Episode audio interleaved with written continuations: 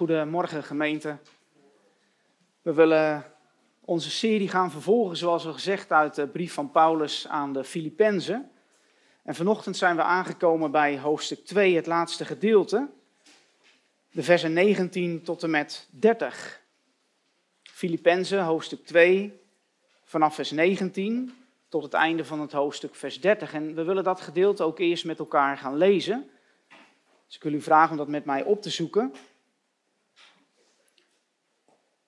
Filippenzen hoofdstuk 2, vanaf vers 19. En we lezen daar in Gods onfeilbaar en heilig woord het volgende.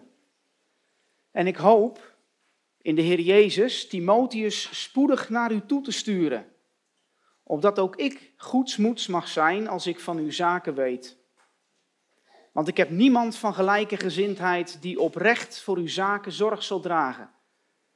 Want zij zoeken allen hun eigen belangen, niet die van Christus Jezus. En u kent zijn beproefdheid, dat hij met mij gediend heeft in het evangelie, zoals een kind met zijn vader. Hem hoop ik dus ogenblikkelijk te sturen, zodra ik mijn zaken kan overzien. Maar ik vertrouw in de Heer dat ik ook zelf spoedig zal komen. Ik heb het echter nodig geacht Epaphroditus naar u toe te sturen, mijn broeder, medearbeider en medestrijder, en uw gezant en dienaar in wat ik nodig had. Omdat hij vurig naar u allen verlangde en in grote angst verkeerde, omdat u gehoord had dat hij ziek was. Hij is inderdaad ook ziek geweest tot dicht bij de dood. Maar God heeft zich over hem ontfermd. En niet alleen over hem, maar ook over mij, opdat ik niet droefheid op droefheid zou hebben. Daarom heb ik hem des te sneller gestuurd, opdat u zich weer kunt verblijden als u hem ziet en ik minder droevig ben. Ontvang hem dan in de Here met alle blijdschap en houd zulke mensen in ere. Want om het werk van Christus was hij tot dicht bij de dood gekomen, doordat hij zijn leven had gewaagd om aan te vullen wat aan uw dienstbetoon jegens mij nog ontbrak. Amen. Zoals ik al zei, we zijn aangekomen bij het laatste gedeelte van hoofdstuk 2 vanochtend. En Paulus, hij heeft al heel veel bemoedigingen en aansporingen gegeven in die eerste in het eerste hoofdstuk en het eerste gedeelte van hoofdstuk 2. Ja, de Filippenzen, zij ontvingen bemoedigende berichten van Paulus, waarin het ging om Christus. Christus stond centraal. Dat was de focus van Paulus zijn prediking. Luister maar eens mee, ik zal een aantal zaken noemen uit hoofdstuk 1 om te beginnen. Paulus spreekt daar over dienstknechten van Jezus Christus. Hij schrijft aan al de heiligen in Christus Jezus. Dan zegt hij, ik verlang naar u allen met de innige gevoelens van Jezus Christus. Hij heeft het over vervuld met vruchten van gerechtigheid die door Jezus Christus zijn. Paulus spreekt over zichzelf als een gevangene om Christus wil. Hij preekt Christus. Christus wordt op allerlei wijzen verkondigd en daarover verblijdt hij zich. Hij zegt, Christus wordt groot gemaakt in mijn lichaam. Hij zegt, het leven is voor mij Christus. Ik heb een begeerte om heen te gaan en bij Christus te zijn. Opdat uw roemen in Christus Jezus overvloedig is door mij. En zegt hij, want aan u is het uit genade gegeven in de zaak van Christus. Niet alleen in Hem te geloven, maar ook voor Hem te lijden. En dan gaat hij verder in hoofdstuk 2. Dan heeft hij het over bemoediging in Christus. En hij heeft het over de gezindheid van Christus. En hij heeft het erover dat elke tong zou beleiden dat Christus de Heer is. Hij heeft het over mij tot roem met het oog op de dag van Christus. Nou, het mag voor ons duidelijk zijn waar Paulus hart vol van was. Het was duidelijk wie hij zo lief had. Hij was als een ja, overlopende fontein wanneer hij sprak over de liefde van zijn hart Christus. En nu hier aan het begin van hoofdstuk 2, na die aansporingen en die bemoedigingen die hij gegeven heeft, ja, nu wil Paulus ook zelf graag bemoedigd worden. Wanneer hij van hun zaken weet, hoe het gaat met de Filippenzen. Wanneer hij weet hoe het is met de gemeente daar in Filippi die hij heeft mogen stichten. En nou gaat Paulus twee van zijn medearbeiders gaat hij aanbevelen. We hebben daarvan gelezen, zijn zoon en broeder in het geloof, Timotheus, en Epaphroditus. Vandaag zullen we niet tekst voor tekst door dit Bijbelgedeelte heen gaan, maar we zullen meer wat teksten vergelijken, naast elkaar leggen. En we geloven dat de Heer zijn woord ook op deze wijze wil zegenen vanochtend. Ik heb boven de preek gezet waardevolle dienstknechten voor de kerk van Christus. We zouden ook kunnen zeggen rolmodellen voor de kerk van Christus. In de eerste plaats letten we erop wie dat zijn. Wie zijn die rolmodellen? Wie zijn die waardevolle dienstknechten? In de tweede plaats, hoe is hun karakter? En ten derde, wat is hun waarde voor de gemeente? Waardevolle dienstknechten, rolmodellen voor de gemeente van Christus. Eén, wie zijn dat? Twee, wat is hun karakter? En drie, wat is hun waarde? Eerst, wie zijn dat? Nou, Paulus zegt in vers 19 het volgende. En ik hoop in de Heer Jezus Timotheus spoedig naar u toe te sturen. En in vers 25 zegt hij, ik heb het echter nodig geacht Epaphroditus naar u toe te sturen. Twee mannen die hier worden genoemd. Laten we eens wat preciezer gaan kijken wie die twee mannen nou precies zijn. Timotheus. We hebben al van hen gehoord, omdat zijn naam wordt genoemd direct aan het begin van de brief. Hij was samen met Paulus in Rome. En hij was een dienstknecht van, daar heb je het weer, Jezus Christus. Timotheus, hij was afkomstig uit Lystra in de provincie Galatië, wat een deel is van het huidige Turkije. Zijn moeder, Eunice, was Joods en zijn vader was een Griek en mogelijk een heiden. En bedenk dat Timotheus door Paulus tot de Heer Jezus Christus was geleid. Dat lezen we niet hier, maar we komen dat tegen in 1 Korinthe hoofdstuk 4 vers 17. Paulus zegt daar, daarom heb ik Timotheus naar u toegestuurd, die mijn geliefde en trouwe zoon is in de Here. En wanneer Paulus het heeft over mijn geliefde en trouwe zoon in de Here, bedoelt hij dat Timotheus zijn geestelijke zoon is. Hij had hem tot Christus mogen leiden. Hij was als een vader voor hem in het geloof. Gemeente, is dat niet wat wij vandaag de dag zo hard nodig hebben? Godvrezende mannen in de gemeente, die, die de jongeren en de jongens uit de gemeente mogen leiden in het woord van God. Die hen in het oog houden, die voor hen bidden, die een rolmodel voor hen mogen zijn. Maar hebben we ook niet godvrezende vrouwen nodig, die hetzelfde mogen betekenen voor de, voor de jonge vrouwen uit de gemeente, de meisjes. Dat ze een voorbeeld voor hen mogen zijn in hun leven met de Heer, in hun gebedsleven, in de manier waarop ze zich kleden, namelijk met eerbare kleding, zoals Paulus dat zegt tegen Timotheus in 1 Timotheus 2, vers 9.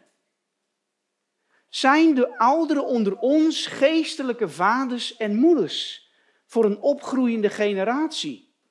Voor de tieners in onze gemeente? Rolmodellen. Timotheus, ja, hij stond hoog aangeschreven bij Paulus. Paulus, hij spreekt over hem als mijn oprechte zoon in het geloof. En als mijn geliefde zoon. En als mijn geliefde en trouwe zoon in de Here. Mijn medearbeider, zegt hij. Als de broeder. En in de brief aan de Filippenzen als een dienstknecht van Jezus Christus. Timotheus, hij was samen met Paulus toen, ik zei het al, de gemeente in Filippi werd gesticht. We kunnen dat vinden in Handelingen hoofdstuk 16. De gemeente kende hem. Hij had een nauwe band met de gelovigen in Filippi. En dan zien we in dit gedeelte nog een man die genoemd wordt. Nog zo'n rolmodel, vers 25. Zo'n moeilijke naam, Epaphroditus. Nou, we weten niets van zijn familie.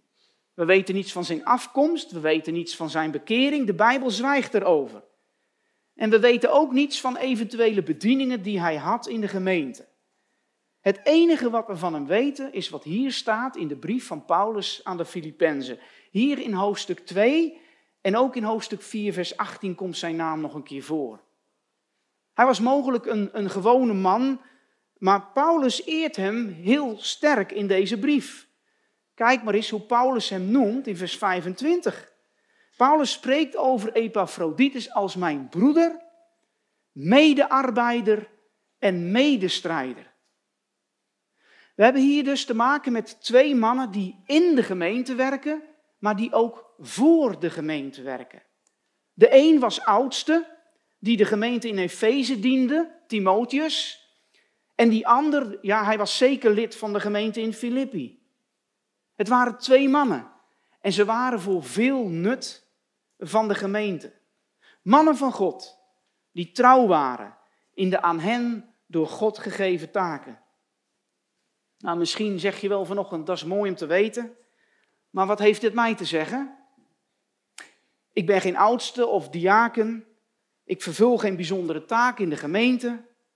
Ik zou zeggen, dat is mooi dan. Want dat is nou precies waar het hier om gaat. Waar het om gaat, is dat je een trouwe dienaar of een dienares van de gemeente kan zijn. Als man, als vrouw, als jongen of meisje. Epaphroditus, hij was geen oudste of diaken voor zover we weten, maar hij was wel betrokken in het werk van Christus. Hij diende de gemeente in Filippi door de gift van de gemeente van Filippi naar Paulus te brengen in Rome. Die gevangen zat in Rome. Nou, en dat deed je niet zomaar. Als je een zak met geld meekreeg en zo verre reis moest maken, dan moest je toch wel oprecht zijn. Dan moest je wel te vertrouwen zijn. Deze Epaphroditus, hij diende. Weet je, en dat is iets wat we allemaal mogen en kunnen doen: dienen. We kunnen de gemeente dienen en degenen die in de gemeente zijn. En we kunnen zelfs hen dienen die nog buiten de gemeente zijn. Elkaar helpen en voor elkaar bidden. Dienen door middel van je te stellen onder hen die de gemeente leiden, te gehoorzamen. Dienen in praktische zaken die er moeten gebeuren in de gemeente voor elkaar zorg dragen, zodat niemand achterop raakt in de genade van God. Iedere gelovige heeft een taak in het koninkrijk van God. Het leven van een christen is arbeidsintensief. Nou, laten we nu eens wat preciezer gaan kijken naar het karakter. Hoe is het karakter van deze mannen? We hebben gezien wie het zijn. Het tweede, hoe is hun karakter? Nou, Paulus, hij gebruikt duidelijke taal om het karakter van deze twee mannen bekend te maken. Hij zegt over Timotheus, hij is van gelijke gezindheid. Hij zegt, hij is oprecht. En misschien kan je het nog herinneren uit een van de vorige preken, dat woordje oprecht kwamen we al tegen in Filippenzen hoofdstuk 1, vers 10. Dat was dat mooie gebed van Paulus voor de gemeente, waarin hij onder andere bad dat de gemeente oprecht mocht zijn, zonder aanstoot te geven. Oprecht, dat was dat woordje sincere in het Engels, sine sera in het Latijn, wat aangaf dat in die tijd, als hè, de tijd van uh, de pottenbakkers, als je heel mooi aardewerk had en dat was heel dun, misschien kan je het nog herinneren, dan ging de pottenbakker daar een zegel op stempelen, sine sera. Dat betekent oprecht. He, want er waren ook in die tijd handelaren die handelden in aardewerk. En dat aardewerk was gescheurd in de oven. Maar dan gingen ze dat bewerken met was. En dan zag je er niks meer van. En dan werd het geschilderd. En dan leek het net of het prachtig heel aardewerk was. Maar als je het dan tegen het zonlicht inhield, dan zag je die scheurtjes. Nou, dat heeft dat woord oprecht, heeft daar alles mee te maken. Dat woord sine Sera, dat stempel wat die eerlijke handelaren meegaven om te laten zien, dit aardewerk, dat is goed, dat is niet gescheurd, dat is volmaakt. Nou, zo'n persoon was ook deze Timotheus. Hij is een bewezen persoon. Hij is niet egoïstisch. Nee, hij diende als een zoon met zijn vader. Deze karaktereigenschappen gebruikte Timotheus voor het welzijn van de gemeente. Ja, Timotheus, we zouden kunnen zeggen, hij had grote zorg voor de gemeente van Filippi. Kijk maar naar vers 20, waar Paulus zegt over Timotheus, want ik heb niemand van gelijke gezindheid die oprecht voor uw zaken zorg zal dragen. Deze man, deze man vond de ander belangrijker dan zichzelf. Hij was zelf opofferend.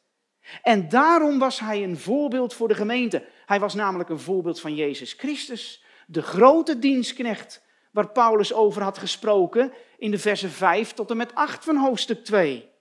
Degene die zichzelf vernederde. Degene die gehoorzaam was geworden tot de dood, ja, zelfs tot de kruisdood. Die zichzelf had overgegeven voor de gemeente. En nu zegt Paulus als het ware, Filippenzen, hier heb je twee voorbeelden van echte nederigheid, van eensgezindheid. Dezelfde liefde hebbende voor de zaak van Christus, één van ziel, één van gemoed, van gemoed zonder eigen belang of eigen dunk. Timotheus, hij was een man die oprecht zorg droeg voor de zaken van de gemeente. Hij heeft diepe gevoelens voor de gemeente in Filippi. Ik zei het al, niet een man die zichzelf graag op het podium zet, die gezien en gehoord wil worden. Nee, hier zien we een nederige dienstknecht in de praktijk. Eén die zijn nederige houding en gedrag geleerd heeft van zijn meester, namelijk Jezus Christus. Timotheus, hij had zich verbonden aan zijn vader in het geloof. Hij had zichzelf onderworpen aan zijn geestelijk vader, die hem had onderwezen vanuit het woord van God. En vaders in de gemeente, jullie hebben de eerste verantwoordelijkheid om je kinderen geestelijk onderwijs te geven. Dat zijn niet de moeders, maar dat zijn de vaders. Timotheus, hij bleek betrouwbaar en trouw te zijn, oprecht. Ja, Timotheus had de test doorstaan. Hij had zich onder het gezag van Paulus gesteld. En dan nog even over die andere man die wordt genoemd, Epaphroditus. Ook hij had zijn karaktereigenschappen laten zien. Paulus zegt over hem, mijn broeder, medearbeider en medestrijder. Laten we eens wat inzoomen met betrekking tot deze kenmerken. Epaphroditus wordt door Paulus mijn broeder genoemd.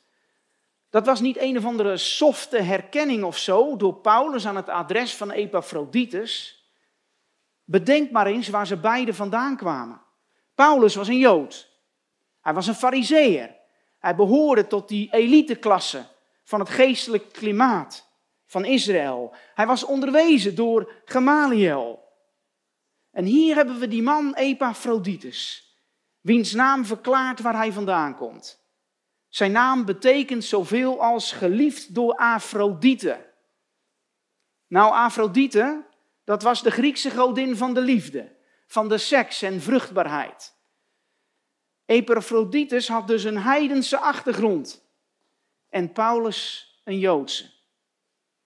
Een Jood, bedenk, een Fariseer zou een heiden nooit zijn broeder noemen. Never.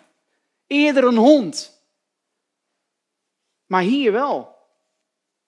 De enige verklaring hiervoor is dat Paulus en Epaphroditus zijn verbonden aan elkaar door het evangelie van Jezus Christus. Beiden zijn tot geloof gekomen in de Heer Jezus, de verhevene. Mooi hè? Zo werkt dat met het evangelie van onze Heer. Paulus, hij zegt in Galaten 3, vers 28, daarbij is het niet van belang dat men Jood is of Griek, want alle bent u één in Christus Jezus. Kijk, het evangelie van Jezus Christus is goed nieuws voor zondaren. Dat is het antwoord voor de eenheid die er is ontstaan tussen deze twee totaal verschillende mensen. Wat betreft de afkomst waren ze elkaars tegenovergestelde. Weet je, en dat is nou ook zo waar voor ons. U, jij en ik, we zijn het tegenovergestelde. In de eerste plaats van de Heer Jezus Christus. We zijn zondaren en Hij is God. Wij zijn zijn schepselen. Nou, een grote verschil is niet denkbaar. Hij is de schepper en wij zijn het schepsel. Maar hier komt het goede nieuws. Hij, de Heer Jezus Christus, zelf noemt ons broeders. Hebreeën 2, vers 11. Immers, zowel Hij die heiligt als zij die geheiligd worden, zijn allen uiteen. Daarom schaamt Hij zich niet voor hen, zich er niet voor hen broeders te noemen. Hoe in de wereld is dat mogelijk? Het is vanwege Christus Jezus onze Heer. Het is vanwege Zijn vernedering tot de kruisdood, zoals hoofdstuk 2, vers 8 het zegt. Zodat Hij er velen zal zalig maken. Kijk, dat is het evangelie van Jezus Christus. En dat is precies de reden dat Paulus Epaphroditus, die heiden, die hond, mijn broeder kon noemen. Beiden zijn ze gered van hun zonde door het verlossingswerk van Christus, doordat ze hun vertrouwen in Christus hebben gesteld. Vraag, behoor jij daar ook al toe vanochtend? Kan jij daar ook al amen op zeggen?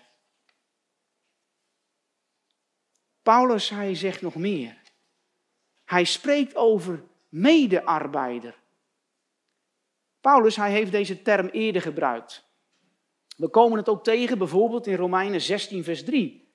Daar spreekt Paulus over Priscilla en Aquila als mijn medearbeiders in Christus Jezus.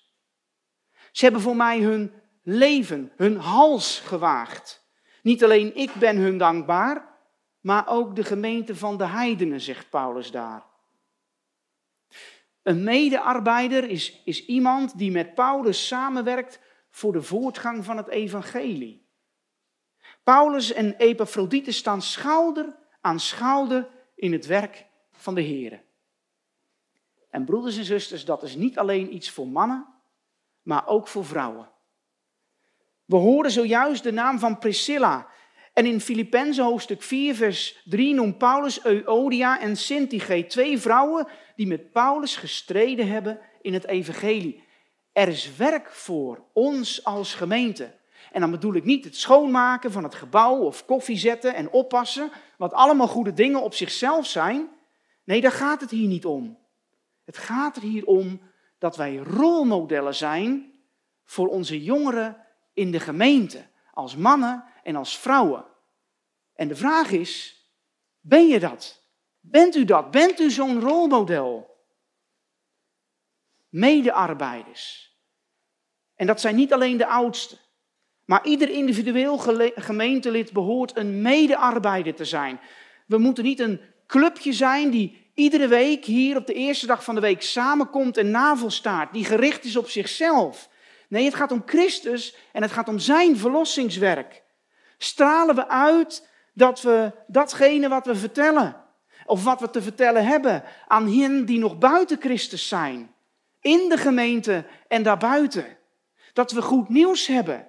Een boodschap van hoop en een boodschap van genade voor gevallen zondaren. Een boodschap van redding en van verlossing dankzij het kruis van Golgotha. Stroomt onze mond daarvan over? Gaat daar ons hart naar uit? Of Epaphroditus. Hij was een grote hulp voor Paulus. Hij kwam namens de gemeente van Filippi, ik zei het al, naar Rome om aan Paulus te geven wat hem financieel nog ontbrak. Kijk, die gemeente in Filippi die had begrepen wat het was om 1 Timotheus 5, vers 17 en 18 in de praktijk te brengen. Laat ouderlingen die goed leiding geven, dubbele eer waard geacht worden. Vooral degene die arbeiden in het woord en in de leer. Want de schrift zegt, een dorsende os mag u niet melbanden en de arbeider is zijn loon waard. Het bleef niet alleen bij woorden voor de gemeente van Filippi, maar het werden daden. Epaphroditus was een medestrijder. Een comrade in arms, een kameraad die zij aan zij stond met Paulus als een goed soldaat van Jezus Christus. Een gemeente, het christelijk leven wordt vaak vergeleken met oorlogsvoering. Denk maar aan hoofdstuk, uh, in Efeze hoofdstuk 6. Daar spreekt Paulus daar heel duidelijk over, over geestelijke wapenrusting. Dat bekende vers uit Efeze 6, vers 12, want wij hebben de strijd niet tegen vlees en bloed, maar tegen de overheden, tegen de machten, tegen de wereldbeheersers van de duisternis van het tijdperk, tegen de geestelijke machten van het kwaad in de hemelse gewesten. Epaphroditus staat zij aan zij met Paulus in die geestelijke oorlogsvoering. Die heilige oorlog kunnen we wel zeggen. Kijk, en dat zou moeten gelden voor iedere ware gelovige. Hoe meer we God dienen, hoe meer we onszelf bevinden in geestelijke oorlogsvoering. Weet je, de duivel die werkt niemand tegen wiens leven weinig verschil maakt voor het koninkrijk van God. Echt niet. Daar heeft hij geen enkel belang bij. Hier in Filippenzen hoofdstuk 2 gaat het over mannen die dicht bij de dood zijn gekomen voor het werk van Christus. Terwijl Epaphroditus diende in Rome, werd hij heel ziek. Tot dicht bij de dood staat er in vers 27. Dicht bij de dood, ziek voor het werk van Christus. Hij diende Paulus en de gemeente in Filippi en stelde zijn eigen leven niet op de voorgrond. Hij was een boodschapper en iemand die Paulus diende. En die gemeente in Filippi die heeft die opofferingsgezindheid gezien. In de eerste plaats van de Heer Jezus Christus. En in de tweede plaats opofferingsgezindheid in het leven van Timotheus, omdat hij meer zorg had voor de gemeente dan voor zichzelf. De gemeente in Filippi heeft Epaphroditus gezien, die bereid was zijn leven te offeren, omdat hij voor het werk van Christus dicht bij de dood gekomen was, lezen we. Kijk maar naar vers 30, daar staat het. Daar lezen we dat Epaphroditus om het werk van Christus dicht bij de dood was gekomen. Ja, zijn leven had aan een zijden draadje gehangen voor de gemeente. Moet je eens even indenken. En tussen twee haakjes, hier zien we dat Paulus niet maar even een genezingswonde gaat doen als apostel of zo, voordat uh, het ziek zijn van Epaphroditus zulke ernstige gevolgen had aangenomen. Dat doet Paulus helemaal niet. Hier geen genezingswonder. Zelfs in de tijd van genezingswonderen konden de apostelen maar niet zomaar een wonder verrichten wanneer zij dachten dat het goed was. Hun wil was namelijk ondergeschikt aan de wil van God.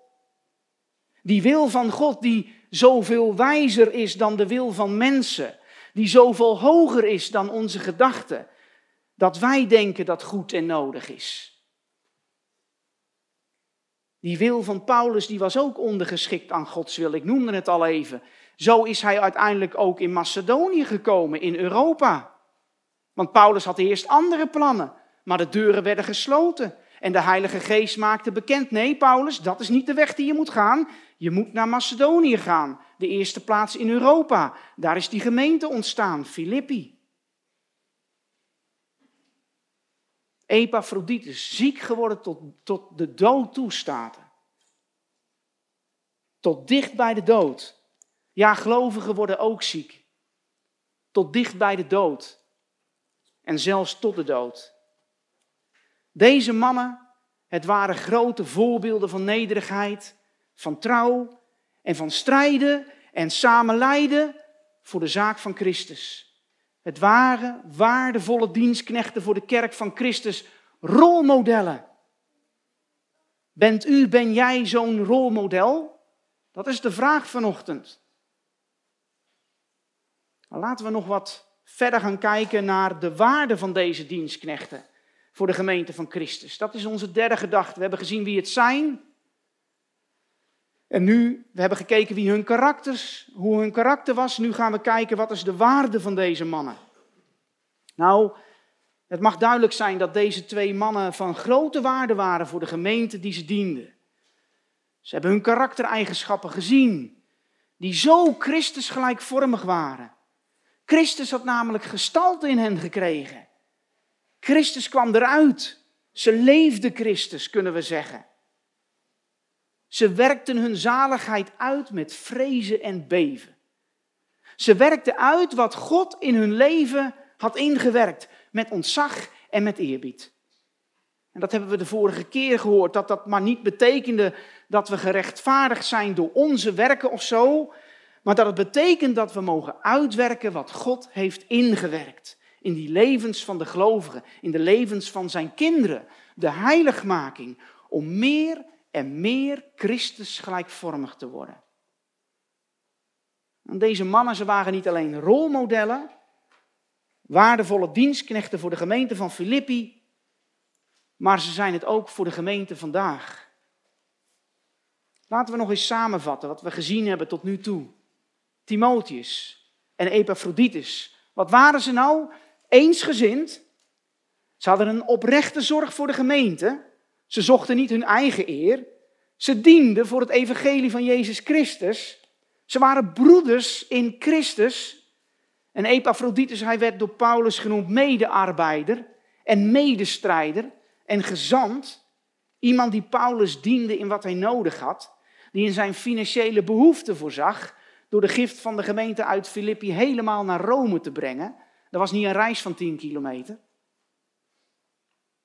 Ze waren lichtdragers voor de gemeente. En ze waren een vreugde voor Paulus en voor de gemeente. Ze hadden gehoor gegeven aan Paulus zijn woorden, zoals we die vinden in hoofdstuk 2, vers 15. Dat gebed, opdat u onberispelijk en oprecht zult zijn, kinderen van God, smetteloos te midden van een verkeerd en een ontaard geslacht, waaronder u schijnt als lichten in de wereld. Ja, deze mannen, ze schenen als lichten, deze waardevolle dienstknechten, deze rolmodellen. En Paulus zegt dan in vers 29, bijna aan het einde van het hoofdstuk, houd zulke mensen in ere. De gemeente moest hen hoog achten, respectvol met hen omgaan, hen vertrouwen. Ze hadden hun eigen leven immers niet belangrijker gevonden dan de zaak van Christus. Epaphroditus had zelfs voor de zaak van Christus bijna zijn leven gegeven. Ja, de Heer gaf opnieuw aan Paulus een reden om blij te zijn in het midden van zijn verdrukking, in het midden van zijn gevangenschap. En dit gedeelte, het laat ons zo duidelijk zien die grote liefde voor de kerk van Christus, de gemeente. Wat een waardering en wat een liefde hadden deze mannen. Nou, dit is nu het resultaat van wat we hebben gezien in die eerste twee hoofdstukken van deze brief. Kijk, dit is het soort van christelijk leven, normaal christelijk leven, dat voortkomt, of we zeggen losbarst uit de gezonde bijbelse prediking en onderwijs. Dan zal dit het resultaat moeten zijn. Bedenk dat Timotheus een zoon in het geloof was van Paulus. We zouden kunnen zeggen, Timotheus, hij was, hij was een product van Paulus. Die karaktereigenschappen, het gedrag van deze mannen, inclusief Paulus zelf, heeft ook ons als gemeente veel te zeggen. We kunnen het echt niet afdoen door te zeggen dat we niet zijn zoals een Timotheus en een Epaphroditus. Kijk, dat gaat niet op. Want die eerste hoofdstukken uit de Filippenzenbrief, die aansporingen, die oproepen tot eensgezindheid, die gelden net zo goed voor ons. Ze zijn uiterst belangrijk voor ons vandaag de dag. Zien we hoe relevant het woord van God is? Paulus, hij zegt in 1 Korinthe 16, vers 13 het volgende. Wees waakzaam, sta vast in het geloof, wees manmoedig, wees sterk, Laat alles bij u in liefde gebeuren. Nou, die eerste termen zijn een hoop militaire termen die Paulus gebruikt. En hij eindigt met de liefde. Zie je, dit is niet alleen van toepassing om geestelijke leiders van de gemeente, op geestelijke leiders van de gemeente, maar het is ook van toepassing op iedere gelovige. Wees nuchter en waakzaam, want de duivel gaat rond als een brullende leeuw op zoek naar wie hij zou kunnen verslinden, zegt Petrus in 1 Petrus 5. Paulus en Epaphroditus, ze verlangden ernaar om, om met de gemeente van Christus in Filippi te zijn. Vrienden, laat Timotheus een voorbeeld voor je zijn om je hart open te stellen voor de zorg van anderen. Laat Timotheus een voorbeeld voor je zijn om, om de belangen van Jezus Christus te zoeken. Laat Epaphroditus een voorbeeld voor ons zijn. Een rolmodel. Om je eigen comfort en gemak niet op de eerste plaats te willen stellen, maar het werk van de Heer Jezus Christus op de eerste plaats te stellen. Maar boven alles, zie in beide mannen het voorbeeld van de Heer Jezus Christus zelf. Vaders, moeders en ook opa's en oma's. Laat uw kinderen en uw kleinkinderen zeggen: Ik wil zijn zoals papa en mama, zoals opa en oma, omdat ze de Heer Jezus lief hebben en omdat ze om onze ziel geven. En dat we de Heer Jezus Christus als verlosser van zondaren laten zien in alles wat we zeggen en doen. Niet alleen woorden. Kijk, dat was de waarde van een Timotheus en van Epaphroditus. Is dat ook u, uw en jouw waarde? Wanneer deze werkelijkheid een onderdeel is van onze gemeente, dan is er reden om blij te zijn zoals Paulus blij was. Weet je waarom? Deze mannen namen hun verantwoordelijkheid serieus en er was reden tot blijdschap. En misschien zit je hier vanochtend wel en denk je, so what? Nou, laat me dit zeggen. Het kan zijn dat de wereld zo aantrekkelijk lijkt om plezier te hebben, om mooie dingen te hebben, om genoeg geld te hebben, bezit. Maar de vraag vanochtend is, hoe is het met je ziel? Daarom ben je hier. Je ziel is kostbaar. En er is één ding wat je werkelijk nodig hebt. Wat je nodig hebt, is dat je je knieën leert buigen voor Jezus Christus, omdat Hij de Heer is, omdat Hij regeert. Hoofdstuk 2, vers 10. Wat je echt nodig hebt vanochtend, is om gered te worden van je zonde. En dat kan alleen door het geloven in de Heer Jezus Christus, door te vertrouwen in Hem, om wat Hij gedaan heeft, te gehoorzamen aan Zijn roepstem. Te erkennen vanochtend dat je een zondaar bent en dat je verlossing nodig hebt, dat je redding nodig hebt. Tot Christus te komen om te vragen om vergeving, je te bekeren en te geloven. Om te vragen om de hulp van de Heilige Geest die je wil leiden in het volgen van de Heer Jezus Christus.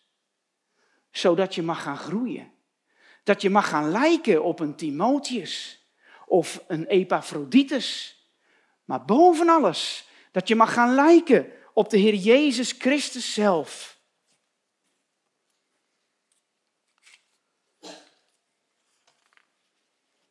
Christus zelf, zijn beeld, dat je dat mag gaan dragen. Dat Hij vanochtend je rolmodel is. Kijk, dan zal de gemeente zich gaan verblijden. En de hemel ook. Want dan blijft het niet alleen bij blijdschap op aarde. Ik zeg u dat er evenzo blijdschap zal zijn in de hemel over één zondaar die zich bekeert, meer dan over 99 rechtvaardigen die de bekering niet van nodig hebben, van nodig hebben. Maar de vraag die wij vanochtend eerlijk mogen beantwoorden is: wil jij, wilt u een waardevolle dienstknecht zijn voor de kerk van Christus? Wil je een rolmodel zijn voor de gemeente vandaag de dag? Amen.